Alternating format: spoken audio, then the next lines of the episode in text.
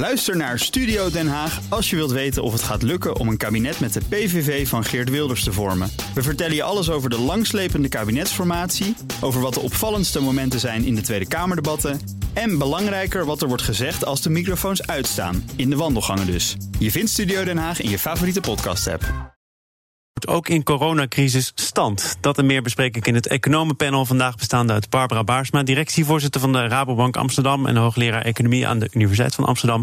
Bas Jacobs hier in de studio, hoogleraar economie en overheidsfinanciën aan Erasmus School of Economics. En mijn zakenpartner is Elske Doets, eigenaar van Doets Reizen. Welkom allen. Zeg ik ook tegen jou, Barbara, van een afstandje. Fijn dat je er bent. Hoi.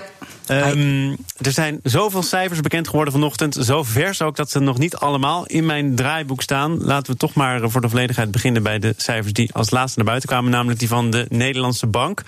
Um, zit daar iets in? Ja, we praten inmiddels over percentages die tot voor kort volstrekt ondenkbaar waren. Barbara, waarvan jij toch nog verrast was. Nou, ik denk dat je de cijfers. Kijk, zo precies moet zijn ze niet. Hè? Het zijn allemaal ramingen en er zitten enorm onzekerheidsmarges. Ja. En de cijfers die vandaag naar buiten kwamen, zowel van Rabobank als DNB, die wijzen er eigenlijk op dat de krimp in 2020 zal zo'n 6% zijn. DNB zit op min 6,4%. Rabo zegt min 5,7%, maar laten we zeggen 6%. Uh, en het herstel in 2021 uh, is gewoon echt verre van genoeg om dat in te halen. Um, en de werkloosheid die neemt ook fors op. Wat, het verrast mij niet, uh, eerlijk gezegd. Omdat je, je voelt, ik zie dat ook als bankier, ik zie dat ook als dienaar van de reële economie. Dat die reële economie het ontzettend zwaar heeft. Uh, uh, nogal gestut wordt, zeg maar, door hulppakketten van de overheid. Maar op een goed moment zal er ook gestopt moeten worden met faillissementen eventueel zelfs tot gevolg. En dat zie je nu aan, dat zie je eigenlijk, dat tweede kwartaal wordt een, een, een kwartaal van forse krimp. Rabobank verwacht 8% krimp. En wat dat betreft uh, verrast het niet, maar het is wel buitengewoon pijnlijk. En kun je het nog even uitleggen? Want, nog, oh, pardon. Oh, het is wel goed dat je zegt dat het uh, gaat om verschillende scenario's. Uh, het CPB begon daar volgens mij mee ten tijde van de eerste weken van die coronacrisis. Vier scenario's. DNB komt nu ook met een basisscenario, een milder scenario en een heviger scenario. Dat is dus omdat het met zoveel onzekerheid omgeven is. Ja, en het, het, is een, een, het komt van buiten de economie. Hè? Dus het is voor economen ook heel moeilijk om daarmee om te gaan. Wij weten niet hoe lang deze pandemie duurt. We weten niet wanneer uh, er een, een oplossing komt. Uh, met, bijvoorbeeld door middel van een vaccin. Wat ik wel gezegd wil hebben. Um, is dat uh, de effecten in, in Nederland nog relatief beperkt zijn in vergelijking met andere EU-landen. En dat komt omdat wij uh, een, onze economie een nogal goede conditie had bij de aanvang van de pandemie. Dus de arbeidsmarkt was op dat moment uh, krap, werkloosheid laag, de overheidsfinanciën buitengewoon gezond. Mm -hmm. um, en we hadden niet een total lockdown zoals in veel Zuid-Europese landen. Nee, bij ons was die intelligent, hè? Nee, ja, ja, ik wou zeggen gedeeltelijk oh. lockdown. Want of die intelligent was, daar wil ik even verre van blijven. Maar um, wij hadden gewoon nog bewegingsvrijheid. Er waren nog winkels open, fabrieken konden open blijven. En het meeste werk in de bouw ging gewoon door. En voor de virusuitbraak, en dit is echt wel een belangrijke, was Nederland is best wel een digitaal land al. In de zin van dat wij gewend zijn online aankopen te doen, uh, te bankieren en ook veel thuis te werken. Uh, door die goede digitale aansluiting. En tot slot, we hebben een relatief groot hulppakket vanuit de overheid. Nou, dat maakt allemaal dat wij in, op, een, op een dag waarop zulke negatieve cijfers naar buiten komen, is het toch ook wel goed om te zeggen dat dat vergeleken bij andere EU-landen nog steeds uh, hartstikke vervelend is, maar wel iets minder slecht dan daar. Bas, heb jij alle cijfers ook tot je kunnen nemen? Uh, voor zover het mogelijk was, uh, ja. heb ik dat gedaan. Ja. ja. Springt er voor jou nog iets uit?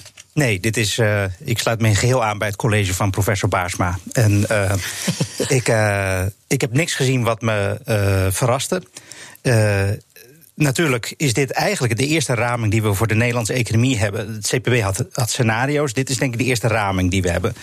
En met uh, nou ja, zo'n 6% eh, krimp is dit echt gewoon ongelooflijk beroerd. Kan er niks anders van maken. En maar zoals uh, professor Baarsma ook zei, het, in Europese context valt het dan nog mee, al koppelt de Rabobank daar dan aan.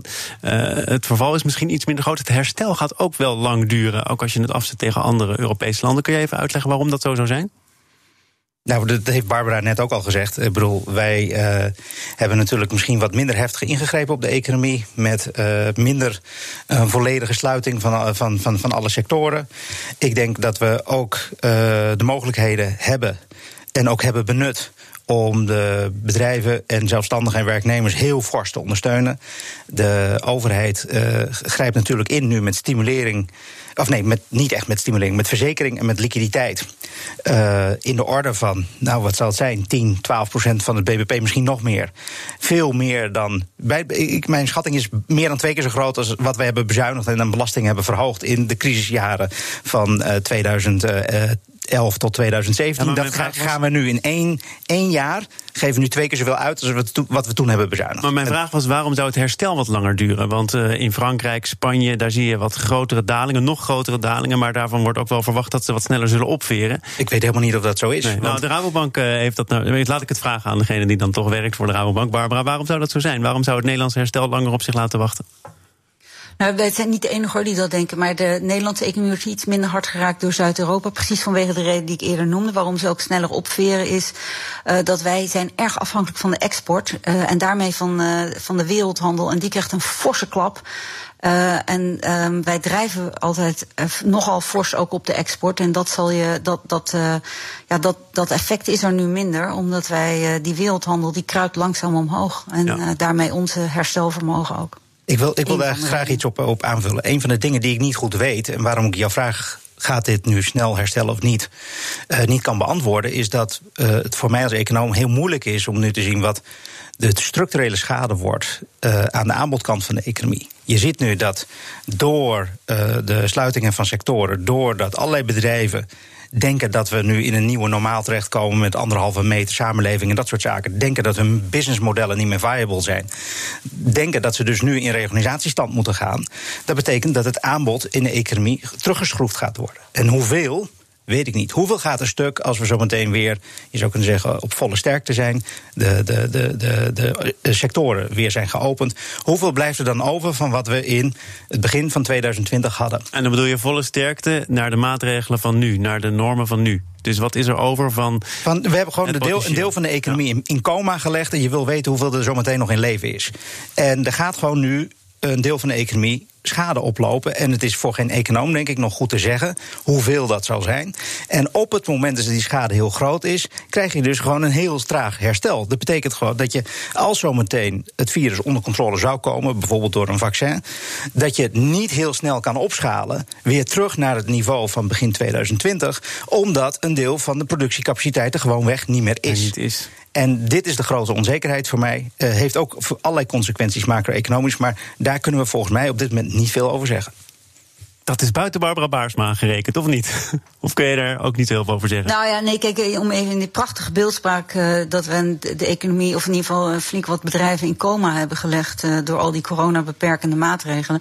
Kijk, het infuus dat wij normaal gesproken hebben vanuit het, vanuit het buitenland, door via de export toch onze hè, weer snel op te veren, dat infuus dat is ook, ja, dat loopt niet lekker, omdat de wereldhandel niet lekker loopt. Dus dat wil ik er wel aan toevoegen. En, en ik denk dat dat samen verklaart een hoop. Um, en uh, ja, en zeker ook met die wereldhandel, de, de internationale productieketens, die zijn natuurlijk heel kwetsbaar gebleken. Ja, en, en het kan heel goed zijn dat nu bedrijven uh, een deel van hun productie in-house gaan doen, minder gaan outsourcen. Uh, dat uh, de, ze meer lokaal proberen te produceren. Maar dat zal natuurlijk ook betekenen dat de kostprijs van je productie omhoog gaat. En dat is ook een aanbodbeperking. Dus de, het is gewoon erg onduidelijk hoe snel het herstel zal gaan. En de tijd zal het leren. Vorige week. ja, ik ben wel eventjes benieuwd, want ik luister. Ik ben natuurlijk geen macro-econoom, ik ben ondernemer. Maar het is toch een illusie om, om te denken dat het teruggaat naar het oude. Het zou toch ontzettend mooi zijn als er geproduceerd zou worden meer in Nederland. En ja, het kost meer, maar daarmee kan je wel kwetsbaren aan het werk krijgen. Dat, dat zou ik een hele mooie ontwikkeling vinden. In plaats van dat we alles uit China goedkoop halen. Uh, we halen het niet alleen uit China. Hè. We halen het ook gewoon. Een heel groot deel van onze import komt uit, uh, uit, uit, uit, de EU. En ook veel van wat we exporteren naar, de EU, of naar andere EU-staten. Ik denk dat je heel goed moet kijken, afhankelijk van de waardeketen uh, waar het om gaat. Bijvoorbeeld bij voedsel denk ik dat het rationeel is, omdat het tot robuustere voedselsystemen leidt als we naar een beter evenwicht gaan tussen wat we internationaal halen en wat we ehm, van dichterbij kunnen halen. Maar dat is heus niet gezegd dat dat voor alle waardeketens geldt. Want precies wat Bas zegt, dingen worden ook wel duurder als je dat gaat doen. En, bij, en, en niet per se beter als je het dichter bij huis gaat doen. Dus ik denk dat dat echt een afweging per waardeketen is. En dat je daar niet in het algemeen zo'n uitspraak over kan doen. Ik wil met jullie ook even naar, eh, naar Frankfurt. De ECB heeft inmiddels weer het eh, crisiswapen ter hand genomen. Het opkoopprogramma is vergroot met 600 miljard naar 1350 miljard. PEP heet het. Eh, die 750 miljard, dat was de eerste tranche. Daar was ook veel over te doen vanuit het constitutionele hof in Duitsland. Karlsruhe zou het allemaal wel eigenlijk mogen. Zou het allemaal wel passen bij wat de ECB als taakomschrijving heeft gehad. Nu wordt het vergroot, terwijl die eerste 750 miljard nog lang niet op is, om het zo uit te drukken. Bas, ben je daar toch een beetje door verbaasd? Nee, maar ik heb ook het idee dat uh, de, de maatregelen die ECB neemt, maar beperkt effectief zijn. De liquiditeit in de financiële markt was al heel hoog door jarenlange QE. Uh, de uh, rentes zijn extreem laag. De bottleneck zit hem veel meer in de reële economie en de financieringscondities die partijen krijgen als ze willen investeren of uh, een lening willen krijgen bij de, bij de bank dan de financiële condities voor, voor, voor banken zelf. Natuurlijk is het zo dat de ECB probeert een liquiditeitsprobleem bij banken te voor te zijn. En dat is op zich goed beleid. Uh, maar ik geloof dat dat. Uh, en daarmee doet, sorry, daarmee doet de ECB ook wat het moet doen in tijden van crisis.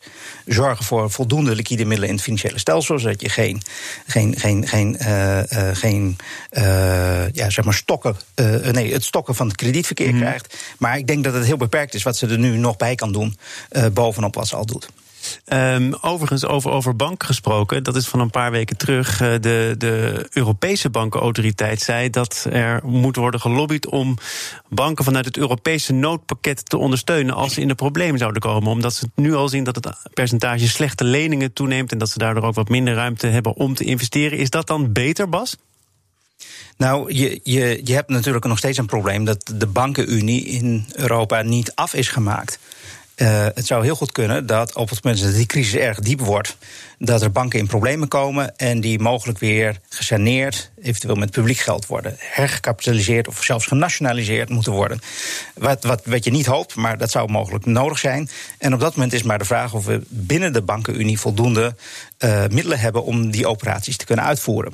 Daarnaast hebben we ook nog geen Europees depositogarantiestelsel. Dus je kan ook misschien uh, bevreesd zijn voor dat bijvoorbeeld Italianen of Spanjaarden hun geld over de grens gaan parkeren als hun geld in eigen land niet veilig zou zijn. Uh, ik denk dat het nog allemaal ver in de toekomst zou zijn. Maar het is zeker een reëel risico dat we de dingen die we hebben gezien in de eurocrisis, dat die weer kunnen opleven. Uh, uh, als het echt heel slecht zou gaan, ja. economisch. En dan komen de kwetsbaarheden van Europa gewoon weer naar boven. De zaken die jij noemt, hè, die we eigenlijk hadden moeten afmaken, wat ook hier in het economenpanel bijna elke week wordt bepleit, dat is dus niet gebeurd. Er zijn nog te veel losse eindjes. Uh, de bankenunie, depositogarantiestelsel. En er is toch nog een zeker risico dat het weer allemaal terug gaat komen aan de problemen van de vorige crisis. Zeker. En uh, we zijn heel goed in Europa in het blikje uh, de, voor ons uit te trappen. De kicking the can down the road. En als de problemen heel groot worden, denk ik dat ook Europa nu weer zal besluiten om net, net genoeg te doen om de boel bij elkaar te houden. Maar ze is natuurlijk buitengewoon goed gebleken in treuzelen van, bij het nemen van dingen die echt moeten gebeuren. Ja, is dat, is dat desastreuze ja, getreuzel, Barbara? Financiering, hè? Ja. ja, die, ja, treuzel, ik weet het niet. De monetaire financiering, het lijkt een soort uh, ja, de, manier van reageren waar we ook een beetje aan gewend zijn geraakt. Maar het is niet gezegd dat het goed is. Hè? Want uh, wat, wat is monetair financieren? Het financieren van staatsschulden met geld dat door een centrale bank wordt gecreëerd daarvoor. Het heeft op dit moment heel veel nadelen, vind ik. Uh, want de, de, is het echt nodig? Uh, nee, want ik denk dat uh, op zich de, de rentes waartegen Europese overheden nu kunnen lenen laag zijn of zelfs negatief in Noord-Europa. Um, en dat komt, en die, die, die negatieve rente die blijft, of die, sorry, die lage rente blijft nog wel even. Niet zozeer door ECB-beleid, als wel door structurele factoren in onze economie. Te maken met demografie en, en, en lagere arbeidsproductiviteitsstijging enzovoort. En inflatie is laag en die dreigt ook helemaal niet zo ongelooflijk hoog te worden. Terwijl ik anderzijds wel denk dat het ruime monetaire beleid echt tot serieuze problemen leidt. Bijvoorbeeld de financiële markten die inmiddels gewoon ja, toch wel losstaan van de economische eh, realiteit. Er ook voortdurend op rekenen dat als er weer wat tegenvalt, dat de centrale banken wel weer de registers zullen opengooien. Dan krijg je echt allemaal zeepbellen in de economie.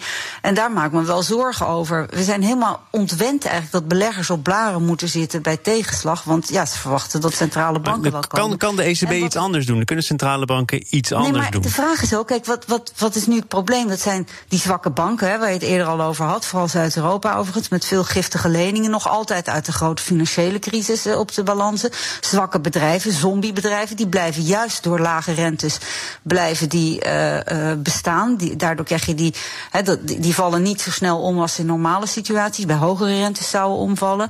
En je krijgt juist dus eerder problemen uh, dan dat het het oplost. En ik denk dat de oplossing veel meer zou liggen. Want de ECB doet dit omdat de politiek niet uh, uh, ja, krachtig beleid voert, begrotingsbeleid. We hebben in Europa ook. Vind je dat, vind je dat als je kijkt naar, naar steunpakketten vanuit Nederland, maar toch ook zeker Duitsland, kunnen we daar vanaf vorige week bepaald weer bijscharen, dat er toch van alles wordt gedaan om de economie te stutten? Nee, er wordt wel wat gedaan. Dat is het stutten van de economie en dat is prima. Maar het daadwerkelijk het, het structureel groeivermogen van de economie vergroten. Modernisering van economieën, hervormingen van economieën. Allemaal dingen die, die we ook in goede tijden hadden moeten doen. Dat gebeurt misschien op nationaal niveau in het noorden wel, maar in het zuiden gebeurt het mondjesmaat. Maar er is geen Europese, vanuit de Europese Commissie gebeurt dat niet. En dus gebeurt er op Europees niveau dat de centrale bank dat gaat doen. En dat is eigenlijk, die, die hebben dat ook in de grote financiële crisis gedaan.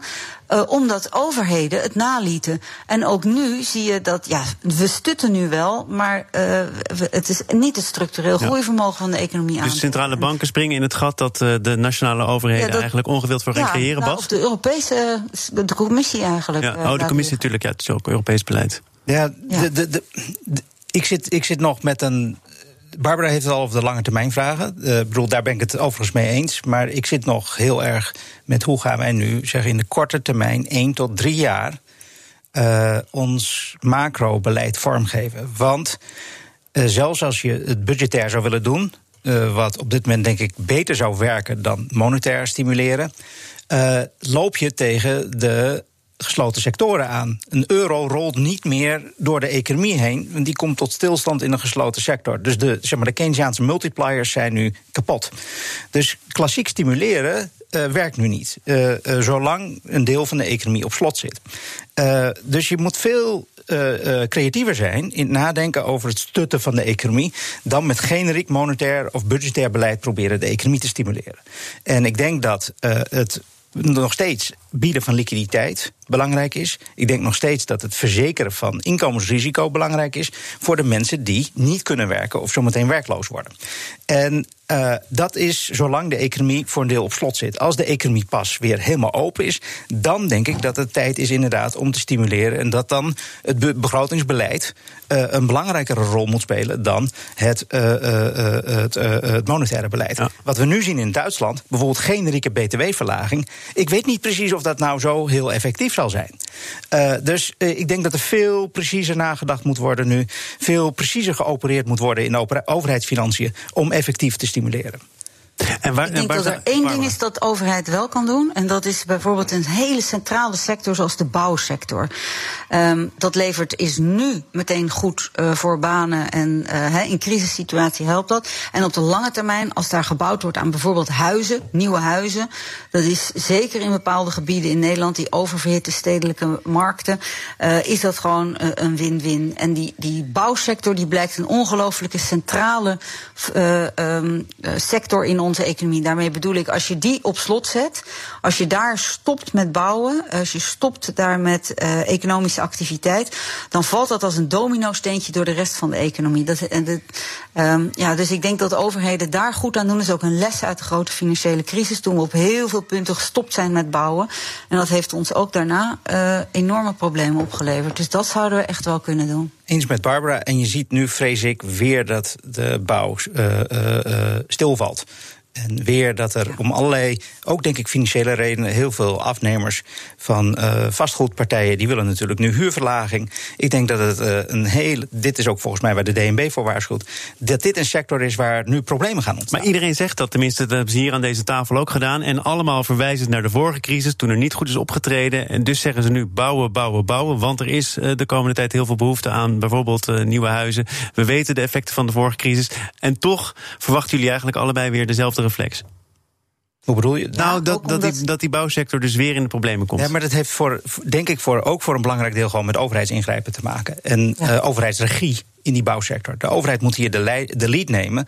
Wat bijvoorbeeld in, uh, in, uh, uh, in heel veel woningbouwcorporaties is gebeurd, is dat die zijn gaan stoppen met bouwen toen ze geen woningen meer konden ja. verkopen met winst. Ja, dat is een heel slecht businessmodel. Dat je alleen maar nieuwe woningen neerzet als je voldoende winst maakt op de verkoop van bestaande woningen. Daar zitten rare dingen in. Er zitten volgens mij ook bij de, de uitgifte van bouwgrond en noem maar op, zitten rare dingen. en daar denk ik dat de overheid veel duidelijker de regie moet nemen. Overigens, ja, en heel veel van die, van die bouwprojecten die zijn op gemeentelijk niveau moeten die worden aangezet en aangehouden. Uh, en de gemeenten uh, die, die zitten niet goed in een slappe was, op, juist als gevolg van die coronacrisis, omdat veel van het stutwerk van de economie via de gemeentelijke begrotingen loopt. Dus daar heeft, kan de Rijksoverheid door wat nu ook de Duitsers bijvoorbeeld doen, die gaan de gemeente heel veel extra miljarden geven, om, juist om, die, om gemeentelijk beleid gericht op bouwen en gericht op, op, op andere uh, investeringen wel doorgang te laten vinden. Dat lijkt me slim. Wat daarnaast ook, behalve bouwen, heel belangrijk is, is dat we uh, in de energietransitie blijven investeren. We weten dat de netten zwaarder moeten worden om elektrificatie als onderdeel van het klimaatbeleid, um, om dat voor elkaar te krijgen. Nou, dan laten we investeren in het verzwaren van die netten. Uh, we weten dat digitalisering in de toekomst een ongelooflijke belangrijke wordt. Nou, laten we dan investeren in meer datacenter, in alles wat en nodig kan dat ook allemaal? Want het kost allemaal geld en uh, het begrotingstekort loopt op. Dus het kan zijn dat er uh, zaken over het randje vallen, toch? Ja, maar, ja, de begrotingstekorten moment... zijn, zijn echt het laatste waar je je nu zorgen over moet maken. Ik, ja. ik, ik, wist al bijna dat je dit zou nee, gaan maar, zeggen. Maar, maar, je, je, je begint deze uitzending met DNB uh, voorspelt de, de, een verdubbeling van, uh, van, van je, zeg maar, de, de recessie uh, van die we hadden gehad mm -hmm. in 2008. De economie gaat echt in een ongelooflijk uh, zwaar economisch weer terechtkomen. En nu gelijk die discussie weer. Nou, dat Wat is, voor consequenties want... heeft het voor de overheidsfinanciën? Kunnen we wel investeren? Nee, we moeten nu alle zeilen bijzetten om die economie overeind te houden. En ik vind het echt een soort, soort Pavlov-reactie in Nederland. Ik ben daar bij de vorige crisis heel boos over geworden. Jarenlang. Nu weer, denk ik. Ja, nu weer, als we dit weer gaan doen. Gelukkig hebben inmiddels uh, heel veel politieke partijen, inclusief minister van Financiën Hoekstra, gezegd: we gaan nu niet bezuinigen. En ik denk dat het heel verstandig is. Nee, maar, en, maar en als je dat geld dan uitgeeft, doe het dan aan dingen die ons structureel groeivermogen ten goede komen. En dat geldt dus voor dat verzwaren van het energienet, van het elektriciteitsnet, van uh, di uh, de digitalisering van de economie mogelijk maken. Dat zijn allemaal uh, de woningbouw aanjagen. Dat zijn dingen waarvan we later geen spijt krijgen, maar die ons sterker maken. Um, en, en het laatste, uh, de modernisering van de arbeidsmarkt. Als we iets zien in deze coronacrisis, dan zien we wel dat dat gat tussen flex, wat te onzeker is, en vast, wat te duur voor werkgevers is, uh, te groot is. En ik hoop dat dat ook uh, iets is waar we een versnelde modernisering toevoegen. waardoor we ook een leven lang leren, leerpotjes, ja. de prikkels om, om en bij te scholen, veel meer op sterk zetten. En laten we ook een fors deel van wat we te besteden hebben in die leerpotten zetten zetten. Want dat is iets waar mensen weerbaarheid mee krijgen. En waar ze meer zekerheid op de arbeidsmarkt krijgen. En dat is denk ik echt uiteindelijk een hele belangrijke. Bas, eh, ik wil uh, jou toch nog de gelegenheid geven om te verklaren waar die Nederlandse Pavlov-reactie dan vandaan komt. En of die echt totaal misplaatst is. Want ik zie dat het je hoog zit. Uh, tot die totale fixatie op begrotingstekorten en het op orde houden van de overheidsfinanciën. Dat is natuurlijk ook je vak. Uh, waarom denk je dat dat zo'n grote rol speelt in Nederland? Weet ik niet. Bril, ik heb me daarover de haren uit het hoofd getrokken. En uh, ik, kan daar, kan geen economische redenen voor, verzinnen, alleen maar politieke en culturele redenen. En nou, de, de, de, de, bedoel, echt, de meeste politici nu van D66, van de PvdA, van uh, uh, het CDA, van uh, GroenLinks, die zeggen allemaal de vorige jaren is er te hard ingegrepen in de overheidsfinanciën. Als je al hun uitspraken van de afgelopen maanden volgt. En daar ben ik natuurlijk verschrikkelijk blij mee. Want ze geven mij nu achteraf allemaal gelijk. Maar de, de, de, de, de, het zou een vergissing zijn als we dus nu direct weer een, een fout. We, bedoel, we zijn in een dubbel depressie terechtgekomen toen, omdat we veel te hard op de rem zijn gaan staan. Het zou een vergissing zijn als we nu direct weer gaan nadenken. En bovendien, staatsschuld is er om dit soort grote rampen door de tijd heen uit te smeren. Staatsschuld is om te zorgen dat er niet een totale pechgeneratie ontstaat die alle lasten eh, van deze crisis draagt. Staatsschuld is er ook om te zorgen dat de overheidsfinanciën uh, ook op de lange termijn gezond blijven. Want als we nu niet bedrijven en werknemers ondersteunen en daarmee een deel van onze economie laten afsterven, heeft dat een gigantische impact op de houdbaarheid van onze toekomstige overheidsfinanciën. Dus het is verstandig beleid om nu die staatsfinanciën te gebruiken om de crisis te bufferen. Als je alle zetels van alle partijen die je net noemde optelt, dan is de kans dat die vergissing weer wordt gemaakt toch wat kleiner dan de vorige keer. Ik denk dat die nu nul is. Nul zelfs. En dan denk, daar ben ik blij om. Daar sluiten we dan maar mee af. Bas Jacobs, hoogleraar Economie en Overheidsfinanciën aan de Erasmus School of Economics. Barbara Baarsma, directievoorzitter van de Rabobank Amsterdam, hoogleraar Economie aan de Universiteit van Amsterdam. En mijn zakenpartner van vandaag, Elske Doets, eigenaar van Doets Reizen. Dit was het voor vandaag. Morgen dan is Thomas Andriessen te gast, horeca-ondernemer, onder andere eigenaar van Hannekes Boom. Morgen meer in BNR Zaken doen. Zometeen eerst Nieuwsroom, onze dagelijkse podcast van het FD en BNR, gepresenteerd door Mark Beekhuis. Veel plezier, tot morgen. Ook Thomas van Zeil vind je in de BNR-app. Je kunt live naar mij luisteren in Zaken doen. De BNR-app met breaking news, het laatste zakelijke nieuws... en je vindt er alle BNR-podcasts, bijvoorbeeld Het Nieuwe Geld. Download nu de gratis BNR-app en blijf scherp.